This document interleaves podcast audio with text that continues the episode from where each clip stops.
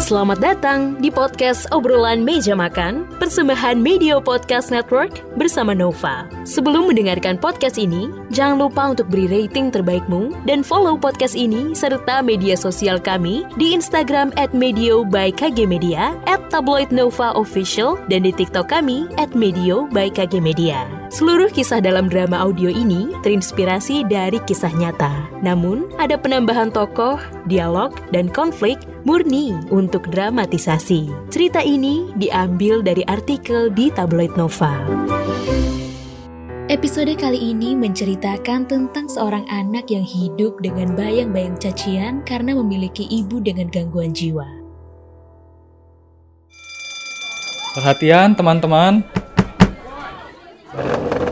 Terima kasih. Hmm, jadi gini, tadi gue dapat kabar dari Bu Nining, besok kita pulang lebih awal. Bentar, bentar. Jangan ramai dulu anjir. Besok ada rapat orang tua. Ini gue bagiin ya undangannya. Yang datang bokap atau nyokap Yan? Terserah, yang penting harus datang. Kalau yang datang tante boleh atau enggak Yan? Wah, kurang tahu ya. Soalnya ibunya Ojan kan di RSJ. Gila kah? Iyalah, ngapain juga di sana kalau bukan gila? Jadi dokter, makin gak mungkin. Hah? Demi apa? Baru tahu gue ibunya Ojan gila. Udah lama di RSJ kok. Kenapa bisa gila? Soalnya ngurusin Ojan, makanya jadi gila. Teman-teman, udah udah, nggak boleh ngatain, nggak sopan. Ye, lu mah jaga wibawa doang jadi ketua kelas. Kalau nggak jadi ketua, ya paling lu ikut nimbrung. Udah udah, habis ini pelajaran Budia. Mending pada diem daripada kena damprat beliau. Lengkingan penuh cercaan terhadap ibunya sudah menjadi makanan Fauzan setiap hari. Jika ditanya kenapa Fauzan tidak membalas, itu karena neneknya mendidik Fauzan untuk menutup telinga saat dengar makian yang dia terima. Fauzan, kamu cuma punya dua tangan. Tak bisa digunakan untuk tutup mulut semua teman-temanmu. Jadi, kamu tutup telinga saja ya. Wes, ndak usah emosi kalau dengar temanmu ngatain ibu. Dan ndak usah jadi jengkel sama ibumu ya.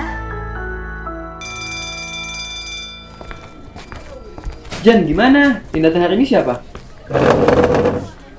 Si budak. Hati-hati, ntar pura-pura bolot, ujungnya malah masuk RSJ. Tante lo ya Jan yang datang. Iyalah, kan ibunya gila. Ibunya gila, pantas nggak bisa didik Ojan. Gue masih sabar ya ini. Jangan sampai gue patahin leher lo pada. Ih, takut. Awas lo ya. Kita mah bukan ngatain Jan, kan itu fakta. Udah gila, nggak bisa didik anaknya yang suka emosi. Wah bangsat lo. Mulut lo kayak nggak disekolahin ya. Ngapain mukul anjir? Ya lo ngapain ngatain ibu gue terus? Udah bener gue tonjok mulut lo yang gak ada adab itu. Anjir lah.